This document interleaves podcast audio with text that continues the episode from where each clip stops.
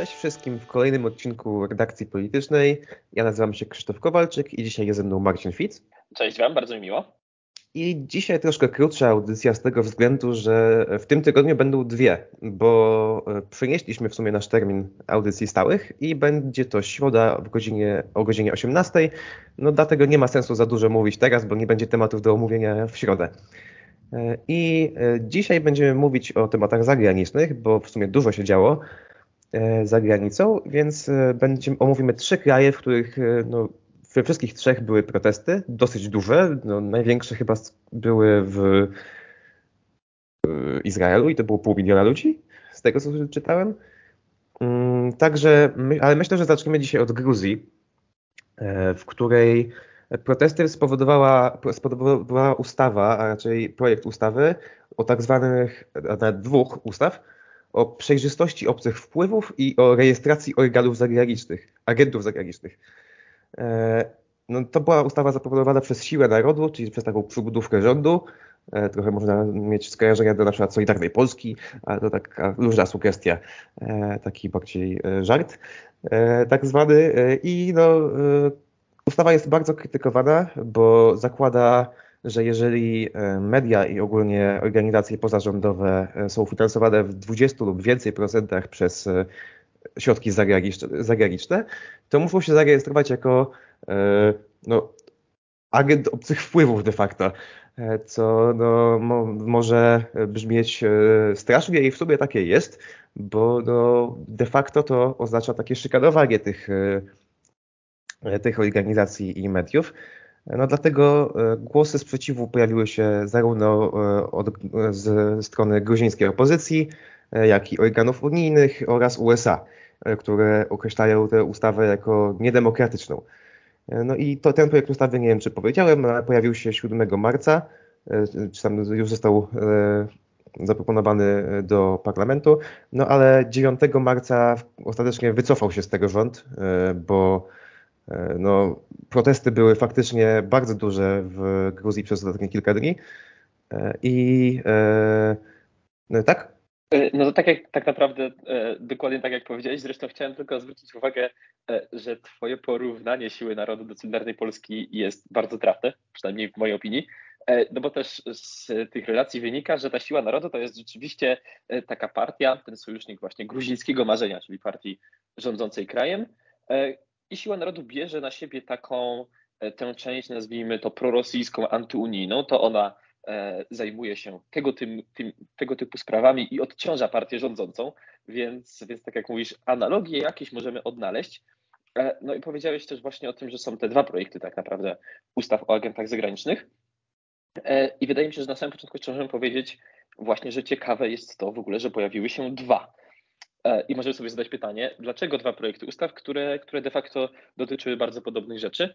No bo e, tak jak mówiłeś właśnie tej rejestracji jako agentów zagranicznych osób prywatnych i też różnych organizacji, które uzyskują z zagranicy ponad 20% dochodów.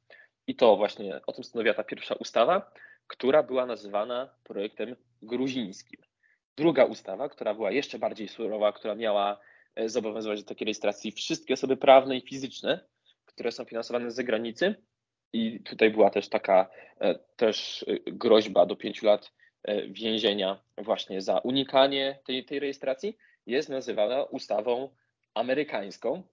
I według inicjatorów ten drugi projekt właśnie jako kopia ustawy amerykańskiej został wniesiony do parlamentu, żeby pokazać, o ile bardziej represyjna jest ta ustawa amerykańska w porównaniu do tej gruzińskiej i to jak bardzo tak naprawdę Amerykanie też są tutaj, sprzeciwiają się wolności, a są traktowani jako demokracja. Dlatego uznano, że, że takie porównanie będzie pokazywało, no, że, że tak naprawdę jest to krok, który w żaden sposób nie zagraża demokracji, no ale też, tak jak powiedziałeś, e, inaczej sądzą obywatele Gruzji tak naprawdę. No, obywatele Gruzji, opozycja i tak właśnie same Stany Zjednoczone, na których e, no, tak twierdzi przynajmniej właśnie twórcy ustawy, że na, na ich właśnie rozwiązaniach to ta ustawa była wzorowana. E, no tylko, że problem jest taki między innymi, że z tego co czytałem, to na przykład e, no, amerykańskie rozwiązania mają e, w swoich zapisach ujęte wyjątki od tych zasad. Gruzińskie no, nie, nie zakładały żadnych wyjątków i były jednak bardziej represyjne od tej amerykańskiej, więc to też była lekka manipulacja z, z ich strony, że takie porównania padały. No ale ostatecznie to no, wycofano się z obu ustaw. Nie wiadomo jeszcze, czy będą, e, będą próbować jeszcze raz je mm, wprowadzić do parlamentu, czy to już ostatecznie upadł ten projekt.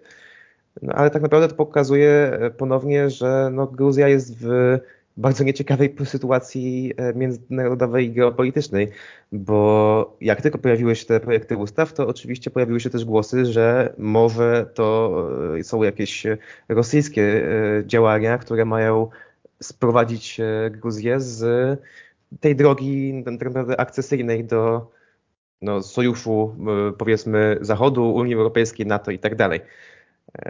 I takie są głosy właśnie w opozycji gruzińskiej i wśród gruzińskiego społeczeństwa. No, oczywiście rząd temu zaprzecza i twierdzi, że to po prostu są rozwiązania gruzińskie, które mają dbać o interes narodowy i są właśnie wzorowane na tych rozwiązaniach amerykańskich.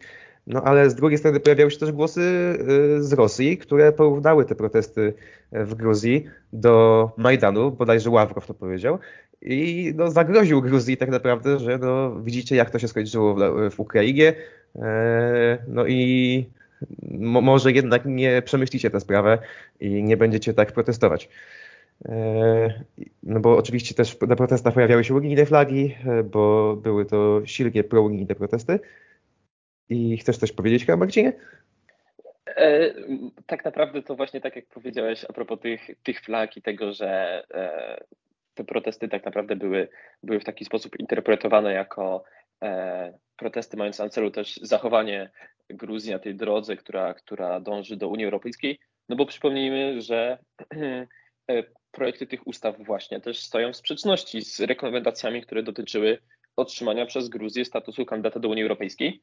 No i tak jak powiedziałeś też a propos tych porównań e, do, do rosyjskich ustaw e, i tego, że podczas, podczas tych protestów wznoszone były po pierwsze takie pro-unijne, pro-zachodnie okrzyki, e, po drugie były tam też obecne i gruzińskie i, i unijne flagi, śpiewano ode do radości, no to tak naprawdę drugimi takimi okrzykami, które były tam wznoszone, były to okrzyki odnoszące się właśnie do rosyjskiego reżimu.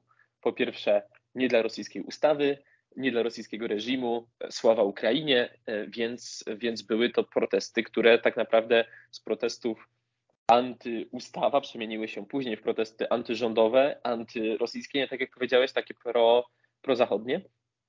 E, I warto właśnie też, e, też myślę, podkreślić, że pomimo to, że to oświadczenie właśnie w czwartek gruzińskiego marzenia i koalicyjnej siły narodu zostało wydane, że stwierdzono w nim, że tak naprawdę e, te odstępują od tych projektów, no to skończyło się tak, na razie, mm, tak naprawdę na razie na oświadczeniu. W związku z tym e, ludzie nadal protestują. I a propos tego oświadczenia, to mogę jeszcze przytoczyć właśnie, e, że stwierdzono w nim, że maszyna kłamstwa przedstawiła projekt ustawy w negatywnym świetle i wprowadziła w błąd pewną część społeczeństwa. E, wskazano także, że te projekty zostały właśnie niesłusznie nazwane kopią rosyjskich, e, e, a tak naprawdę przyjęcie pierwszym czytaniu w parlamencie tego pierwszego projektu, nad drugim, tym takim tak zwanym amerykańskim w ogóle nie głosowano, no to przedstawiano w części, w, w oczach społeczeństwa jako odejście od europejskiego kursu, z czym zarówno gruzińskie marzenia, jak i koalicyjna siła narodu się nie zgadzają. No i władze też podkreśliły właśnie, że, że winne starć z policją są radykalne siły, E, a policjanci, którzy pacyfikowali demonstrantów, są bohaterami, którzy zareagowali na przemoc według najwyższych standardów. No a jeżeli ktokolwiek z Was też obserwował te protesty i widział jakieś zdjęcia czy, czy materiały, no to, to rzeczywiście e, pokojowo protestujący ludzie byli traktowani w sposób e, no taki średni to nazwijmy i jednak też przemocowy. Dokładnie i teraz e, pytanie w sumie bym postawił, a mianowicie jaki kurs tak naprawdę obiera e, rząd gruziński, bo teoretycznie przedstawiają się jako no, prounijni i kontynuowali tę politykę powolnego zbliżania się e, do unijnych wartości powiedzmy, no a z drugiej strony to no, od pewnego czasu muszą balansować, no w sumie to Gruzja od zawsze musi balansować, ale balansowali bardziej i te relacje z Rosją trochę się poprawiły. Natomiast no, dalej jest to tak naprawdę taka relacja między no, zakładnikiem a jego no, no, tutaj porywającym powiedzmy, który no, trzyma Gruzji nóż na gardle.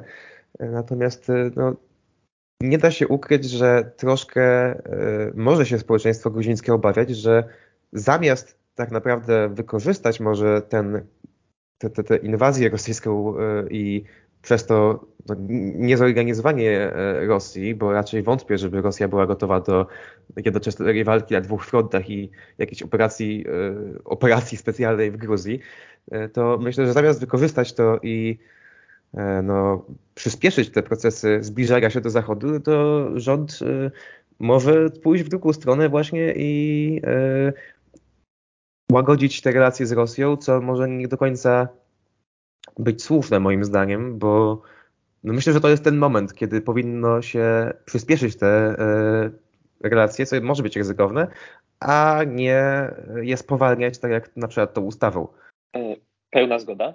I rzeczywiście tak naprawdę powinniśmy teraz obserwować rozwój wypadków, bo tak jak już też powiedziałem, e, pomimo tego oświadczenia, które zostało wydane przez, przez siły rządzące, ludzie nie przestali protestować, nie zaprzestali protestów, e, dalej wychodzą na ulicę, bo tak naprawdę to wszystko wydarzyło się też tak, te największe protesty na przestrzeni jednego tygodnia.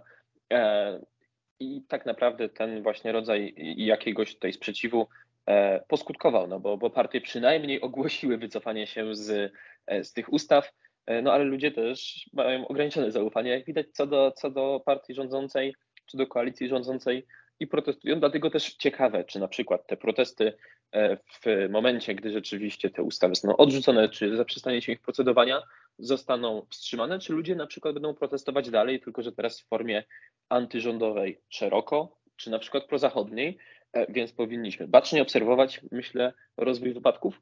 E, I tak naprawdę jest to też kolejny ważny moment na arenie międzynarodowej, no bo tak jak sam powiedziałeś, Gruzja, która jest w takiej też sytuacji geopolitycznej nieciekawej, e, lawirowała pomiędzy e, Unią a Rosją przez większość czasu. Nadal tak jest. E, no ale też tak naprawdę ta wojna na Ukrainie dodała jakiś kolejny kontekst, no bo przypomnijmy, że Gruzja też padła ofiarą rosyjskiej agresji i tak naprawdę znaczna część społeczeństwa w związku z tym jest przeciwna, przeciwna Rosji. I w sumie powiedzieliśmy już o tej jednej ustawie, która, która, czy w zasadzie o dwóch projektach ustaw, które e, tak naprawdę dążą do jakiegoś e, e, autorytaryzmu w ramach tutaj systemu rządów w Gruzji. I podobna sytuacja, jeżeli chodzi o takie tendencje, ma miejsce również w Izraelu. O tym już kiedyś wspominaliśmy w naszych audycjach, ale właśnie protesty w Izraelu trwają i to trwają już dziewiąty tydzień, dlatego warto, e, myślę, że opowiedzieć o sytuacji, jaka ma obecnie tam miejsce. Dokładnie. E, wydaje mi się, że na dziesiąty tydzień, bo to zaczął, zostało zaproponowane jakoś na jeszcze w styczniu.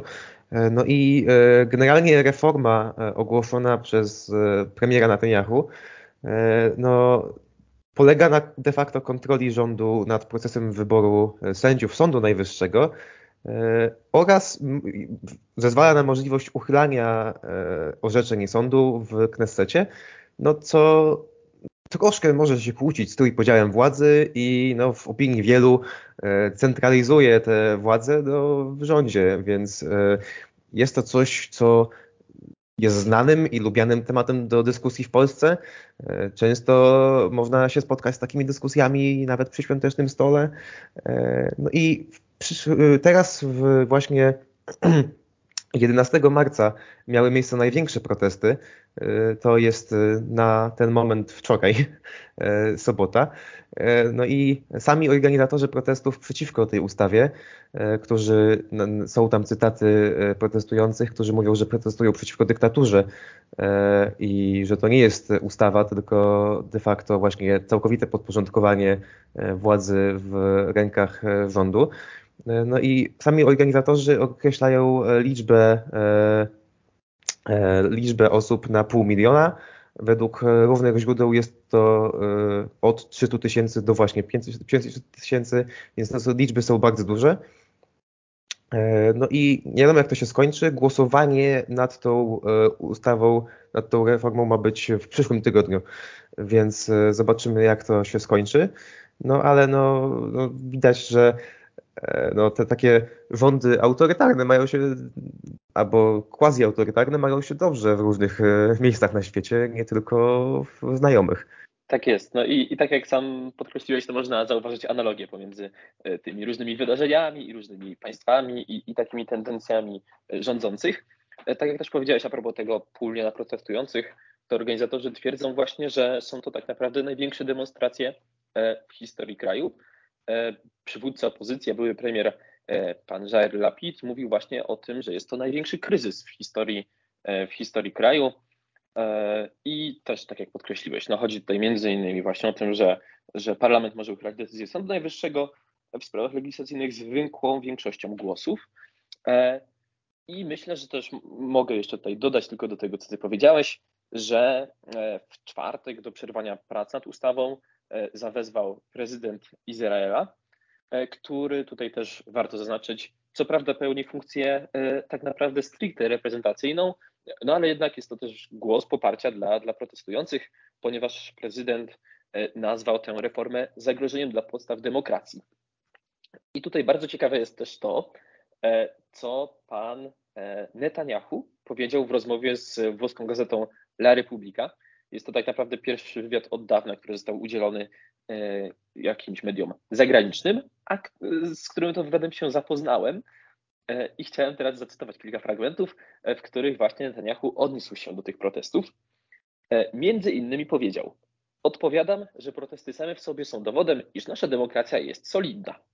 Ponieważ w społeczeństwie istnieje bardzo silne zapotrzebowanie na przywrócenie równowagi między władzą wykonawczą, ustawodawczą i sądowniczą, Problem polega na tym, że tę równowagę zaburza u nas władza sądownicza, która jest nadaktywna i ma nadzwyczajne uprawnienia. Dlatego postanowiliśmy zainterweniować, wprowadzając tę reformę. Sądownictwo musi być niezależne, ale nie wszechwładne. To jest istota tej debaty. Protesty są naturalną częścią sporu, ale wierzę, że ten problem zostanie rozwiązany. E, no, no, generalnie czasami trudno właśnie e, przeciwstawić się, czy pozbyć się analogii, które się pojawiają w głowie, ale takie narracje, które są stosowane podczas tego rodzaju problemów czy dyskusji są bardzo, bardzo podobne i myślę, że mogą się nam skojarzyć z tak naprawdę każdą taką dyskusją, która, która pojawia się wokół reform sądownictwa i wokół właśnie zyskania jakiejś większej kontroli e, władzy ustawodawczej nad, nad władzą sądowniczą. E, Netanyahu odniósł się w tym wywiadzie jeszcze raz do tego problemu, e, zapytany przez, przez redaktora przeprowadzącego wywiad, co ma do powiedzenia obywatelom, którzy boją się o los państwa demokratycznego, odpowiedział: Demokracja nie tylko nie jest zagrożona, ale ta reforma pożądana przez olbrzymią, olbrzymią część społeczeństwa ją wzmocni. E, no więc tak naprawdę problemu nie ma, a ci wszyscy ludzie, te pół osób, które e, protestuje, też jest manipulowane i nie zdaje sobie sprawy z tego, że tak naprawdę tutaj e, dobra władza robi wszystko dla ludzi no można powiedzieć, że to jest taka e, walka z izraelską kastą sędziowską, która e, wyszła przed szereg i chciała, chciała kontrolować państwo.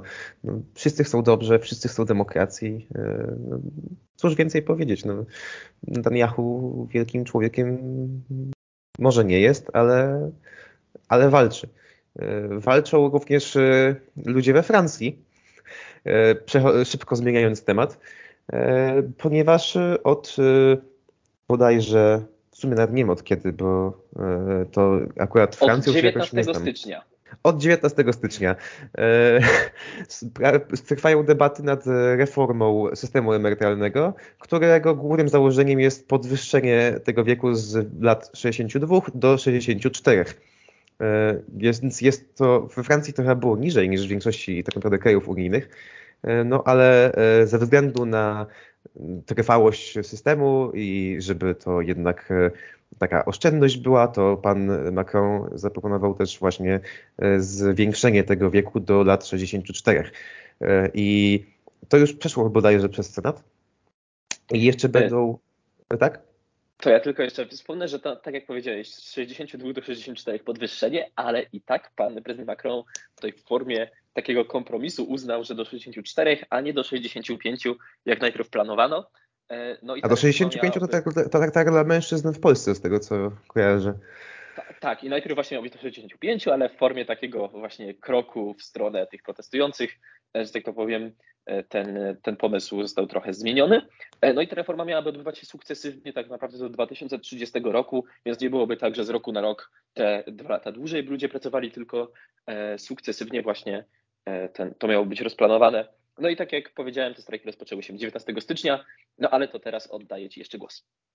E, tak, to ja jeszcze szybko powiem, że e, no, 15 marca będzie wspólne posiedzenie e, obu, obu izb parlamentu i bodajże 16 marca, czyli w ten czwartek, z tego co kojarzę, to już będzie głosowanie. W, I w Izbie Niższej, czyli w Zjednoczeniu Narodowym, no, wynik nie jest do końca pewny, bo Macron musi liczyć na wsparcie innych partii. E, no, ale e, generalnie najbardziej sprzeciwiają się tej reformie chyba skrajna lewica i skrajna prawica, więc można powiedzieć tutaj o teorii Podkowy na przykład, e, które, którzy najbardziej walczą o te prawa pracownicze i prawa obywateli, można powiedzieć. I ostatnie demonstracje, które miały miejsce, to zanotowały też wyniki ponad 300 tysięcy osób, więc też były bardzo duże. E, i przekazuję Ci, myślę, głos, bo jesteś taką naszą e, wiedzą insiderską z Francji, więc na pewno wiesz o tym dużo więcej. Może nie przesadzajmy, ale dziękuję bardzo. Tak jak powiedziałeś, te ostatnie e, dni też były dniami protestów. W, w tym tygodniu odbyły się tak naprawdę trzy takie dni. To było szósty, siódmy i ósmy dzień protestów w takim ogólnym rozrachunku, czyli pierwszy odbył się we wtorek z racji na to, że, że wtedy ta ustawa trafiła właśnie do Senatu, w środę z okazji Dnia Kobiet, i wczoraj odbyły się protesty, które, e, które odbyły się dlatego, że ta ustawa właśnie była w Senacie, w Senacie głosowana. Mm, I tak naprawdę myślę, że warto podkreślić po pierwsze też e, skąd pomysł na, na tę w ogóle reformę i, i dlaczego pan prezydent Emmanuel Macron tak, tak bardzo e, ten, ten pomysł firmuje. Po pierwsze, to nie jest to też nic nowego, czyli Emmanuel Macron prezentował też właśnie taki punkt w swoim programie zarówno prezydenckim, jak i ta partia, która jest tak naprawdę e, jego partią e, podczas kampanii parlamentarnej, również miała ten punkt w, w swoim programie. Ale wiadomo, że ta sytuacja we Francji też jest specyficzna. E, I sam prezydent Emmanuel Macron, po tym jak został wybrany na stanowisko, w swoim przemówieniu podkreślił, że on wie, że nie wszyscy głosowali za nim i za jego programem, ale przeciwko jego kontrkandydatom, no a szczególnie przeciwko prawicy Marine Le Pen. I tak naprawdę to teraz też jest takim punktem dyskusyjnym i, jednym z argumentów ludzi, że przecież Emmanuel Macron wie, że oni nie głosowali za nim, a przeciwko skrajnej prawicy, a teraz tak naprawdę uznaje, że skoro go wybrano, to, to ten pomysł swój chce wprowadzić w życie. No bo jest to pomysł, który, tak jak powiedziałem, już pojawiał się kilkukrotnie e, w różnych przekazach pana prezydenta. No i, i Macron jest przekonany właśnie, że tak naprawdę nie może z niego zrezygnować, bo bez podniesienia wieku emerytalnego i przy tak naprawdę rosnącej liczbie emerytów, a tej spadającej liczbie osób aktywnych zawodowo, za kilka czy tam kilkanaście lat może zabraknąć pieniędzy na wypłatę emerytur takiej wysokości jak obecnie. E, to, co też powiedziałeś a propos e, tego, że rząd francuski nie ma po swojej stronie większości parlamentarnej, e, jest to prawda, ale tak naprawdę to głosowanie, które odbyło się wczoraj w Senacie i to, że, że ta reforma została przegłosowana większością głosów 195 do 112, wskazuje też na to, że na razie władze mogą liczyć na poparcie tej takiej centroprawicy, partii Republikanie. A nawet gdyby okazało się, że podczas tego głosowania, które się zbliża, E, Emmanuel Macron i jego partia nie będą mieli większości, to we francuskiej konstytucji jest artykuł 49, tak zwana polityczna broń atomowa czy opcja atomowa. E, jest to artykuł, który jest bardzo kontrowersyjny, bo pozwala na przyjęcie ustawy tak naprawdę bez głosowania. E, I w związku z tym ustawa ta mogłaby zostać właśnie przyjęta nawet bez większości, po prostu taką wolą prezydenta. Co do samych strajków i protestów, E, to tutaj też szacunki są różne, jak wiadomo, jak zwykle. Jednak to, że te, te strajki trwają już właśnie od, tego, od tej połowy stycznia, wskazuje na to, e, że po pierwsze jest to bardzo ważny problem, a po drugie trzeba tutaj podkreślić, że jest to problem, który wyjątkowo połączył ludzi. Oznacza to, że pięć najważniejszych takich federacji pracowniczych we Francji wspólnie zorganizowało protesty. Oczywiście tak naprawdę taką tutaj najaktywniejszą i największą jest Powszechna Konfederacja Pracy. To jest taka e, federacja, która jest związana z francuską partią komunistyczną. E, I w tym tygodniu na e, ulicach całej Francji 7 marca, czyli w ten właśnie dzień główny protestów w tym tygodniu, pojawić się według tej partii, miał, przepraszam, według tej konfederacji miało, uwaga, ponad 3 miliony protestujących. Według Ministerstwa Spraw Wewnętrznych było ich trochę ponad milion. E, tak jak już potem powiedziałeś sam, wczoraj na przykład tych protestujących miało być tam już po kilkaset tysięcy, no ale związane jest to też z tym, że po pierwsze te protesty trwają tak długo, no a po drugie każdy kolejny dzień takiego protestu, no to jest tam kolejna wypłata mniej dla, dla tych ludzi, którzy idą do pracy, e, a protestują. E, stąd też biorąc pod uwagę właśnie ile te protesty trwają, to są to liczby ogromne i tak naprawdę też jedne z większych w ogóle w, w XXI wieku, bo poprzednie takie protesty, które też w sumie związane były z tą reformą emerytalną i z tego ty, typu tematami, to lata jeszcze 90. E, tutaj też mogę dodać jeszcze, że, że właśnie w tym tygodniu e, te protesty przybrały już taką też formę e, różnych zaburzeń, na przykład w transporcie drogowym, kolejowym i miejskim. Na trasę wyjechało na przykład tylko około 20% tych super szybkich pociągów TGV. Linie regionalne były praktycznie nieczynne, a w sektorze energetycznym wskaźnik takich strajkujących właśnie wyniósł około 40%, wśród nauczycieli ponad 30%.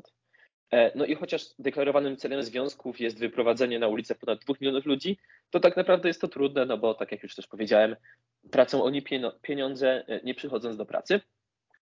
W związku z tym prawdopodobna jest zmiana form protestu. E, między innymi zapowiedziane jest też ewentualne rozpoczęcie blokad, między innymi dróg czy, czy właśnie blokad transportowych.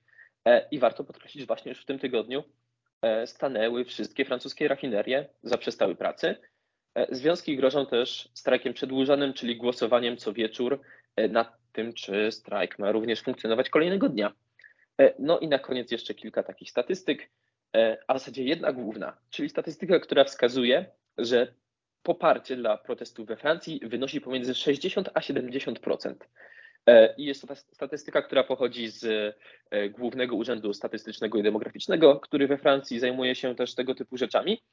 Więc jest to po pierwsze ogromne poparcie, e, ale podobna e, ponad połowa protestujących nie wierzy w to, że te protesty przyniosą jakikolwiek efekt, no bo tak jak powiedzieliśmy, protesty trwają od połowy stycznia, a mimo to ustawa jest cały czas procedowana. E, no i wygląda na to, że zbliżamy się do takiego momentu kulminacyjnego, w którym przekonamy się, co dalej, mimo to, że takie masy Francuzów wychodzą na ulicę, protestują, no to na razie nie widać zmiany w, w nastawieniu pana prezydenta, który też nie musi się już tak starać o, o, o przychylność właśnie wyborców, no bo jak wiemy, to już jest jego druga kadencja, więc tak naprawdę nie będzie miał już okazji do, do zweryfikowania swojej popularności w trakcie wyborów. No i na sam koniec to, co ja też bardzo lubię, czyli e, obserwowanie różnego rodzaju znoszonych haseł wyborczych. Po pierwsze, e, to, co jest głównym hasłem podczas tych demonstracji, to jest prezydent bogatych no bo we Francji też właśnie e, teraz rozpoczęły się dyskusje na ten temat, e, w jaki sposób można byłoby sfinansować te kwestie emerytalne i czy musi być to koniecznie przedłużenie wieku czy emerytalnego, przedłużenie czasu pracy ludzi. E, I tutaj oczywiście przede wszystkim właśnie lewica krytykuje, że można byłoby zmienić podatki, opodatkować na przykład duże korporacje, a nie zrzucać wszystko na barki ludzi. I takie dwa jeszcze hasła wizerunek pana prezydenta Macrona, który pojawiał się podczas e, tych protestów, wizerunek Macrona jako króla e, z napisem Macron pogardliwy. I kolejne hasło, które ja darzę wielką sympatią, e, które było widoczne w Marsylii po tym, jak tamtejszy klub wygrał z Paris Saint-Germain w Pucharze Francji. Wygraliśmy z PSG, pokonamy też Macrona. No i w sumie to moje pytanie w tym momencie do ciebie brzmi, no jak sam powiedziałeś, wybory, dopiero co były, więc Macron już nie będzie weryfikował e, swojej popularności w wyborach. Pytanie, czy to nie jest e, trochę wrzucenie następnego kandydata takiego centrowego, e, albo nawet w wyborach parlamentarnych też tego centrum pod autobus, pod pociąg, no bo de facto to trochę przypomina mi na przykład kryzys popularności Platformy pod koniec rządów, tam e, tak naprawdę na tym też jechał dużo bardzo Prawo i Sprawiedliwość, więc czy to nie będzie bardzo boostowało popularności Le Pen i skrajnej prawicy i też skrajnej lewicy w następnych wyborach, bo tak naprawdę to no, jeżeli ta popularność tych protestów jest tak wysoka, że aż 70% społeczeństwa e, jest przeciwko tej reformie, to mam wrażenie, że może się to przyczynić do właśnie wzrostu popularności skrajności w Francji, które i tak już są dosyć popularne. No właśnie, tak jak sam powiedziałeś, te ostatnie wybory, przede wszystkim prezydenckie, wskazały nam też na to, że okej, okay, Emmanuel Macron, ale, ale na przykład e, pan Jean-Luc Mélenchon, czyli skrajna lewica, e, pani Marine Le Pen e, też rosną w siłę, czy był też Eric Zemmour, więc generalnie skrajności we Francji w siłę rosły. No i właśnie komentatorzy wskazują na to, że tak naprawdę jest to prezent głównie dla, dla Marine Le Pen, ale też dla Jeana-Luca bo tak jak też powiedziałem, no te protesty e, tak naprawdę są organizowane przez zbiór tych federacji pracowników, no ale bardzo silne są tam te oczywiście e, zgromadzenia czy stowarzyszenia lewicowe, no bo to też akurat taka oczywista oczywistość, że jeżeli chodzi o prawa pracownicze, to jest to ich tematyka. No więc tak jak sam powiedziałeś, no najprawdopodobniej to w też następnych latach, czy w, w ogóle teraz w najbliższych miesiącach tak naprawdę wzmocni popularność dwóch skrajnych opcji, co zresztą też jest widoczne podczas właśnie tych protestów, czyli e, polityków, którzy, którzy też na tych protestach się pojawiają, którzy na przykład próbowali sabotować dyskusję na temat tych, tych reform w parlamencie. Według tam różnych szacunków e, pojawiło się mnóstwo, nie chcę teraz skłamać, ale wydaje mi się, że liczba, która się pojawiła, to było 11 tysięcy poprawek. Chodziło po prostu o zasypanie komisji tyloma poprawkami, e, żeby nie dało się ich przepracować i, i przegłosować w takim terminie, w jakim e, miano to, w jakim zaplanowano, żeby to zrobić. Więc jest to też, uważam, bardzo ciekawe do obserwowania, bo tak jak mówię, no to protesty wyciągnęły na, na ulicę, wyprowadziły mnóstwo ludzi, e, którzy tak naprawdę bez względu na to, gdzie pracują, E, no to, to, to protestują przeciwko temu, aby właśnie e, nie, nie pracować jeszcze dłużej i pewnie większość z tych ludzi e, uważa tak, jak proponuje lewica, że tego typu tak naprawdę wysiłek, tego typu dodatkowe wkłady powinny być przerzucone nie na pracowników, ale na pracodawców, ewentualnie wielkie korporacje czy opodatkowanie bogatych. No to w takim razie to tak mam wrażenie, że niby to odpowiedzialne takie zaciskanie kieszeni i dbanie o gospodarkę, to tak naprawdę to jest jej odpowiedzialność, która może zdestabilizować kraj w przyszłości, bo jeżeli faktycznie to, tak jak mówisz, to, to jest dosyć oczywiste, że jest to prezent dla zarówno skrajnej lewicy, jak i skrajnej prawicy, to nie wiem, jak będzie wyglądała przyszłość Francji i no, zobaczymy. Ale myślę, że to jest już y, wystarczająco długa audycja bo miała być krótsza, a w sobie wyszła taka, no krótsza, ale nie aż tak. E, więc e, pożegnałbym się ze wszystkimi słuchaczami. E, ja nazywam się Krzysztof Kowalczyk i ze mną był Marcin Fitz. Tak jest, dziękuję Wam bardzo i tak jak sam powiedziałeś, no to były, czy jest to tydzień w ogóle protestów i ostatnie tygodnie protestów. Znalazłeś też różne analogie do, do na przykład sytuacji u nas. No nie wiadomo, jakie protesty u nas mogą się długo pojawić, bo jak wiemy, sytuacja wygląda też średnio, tak to nazwijmy.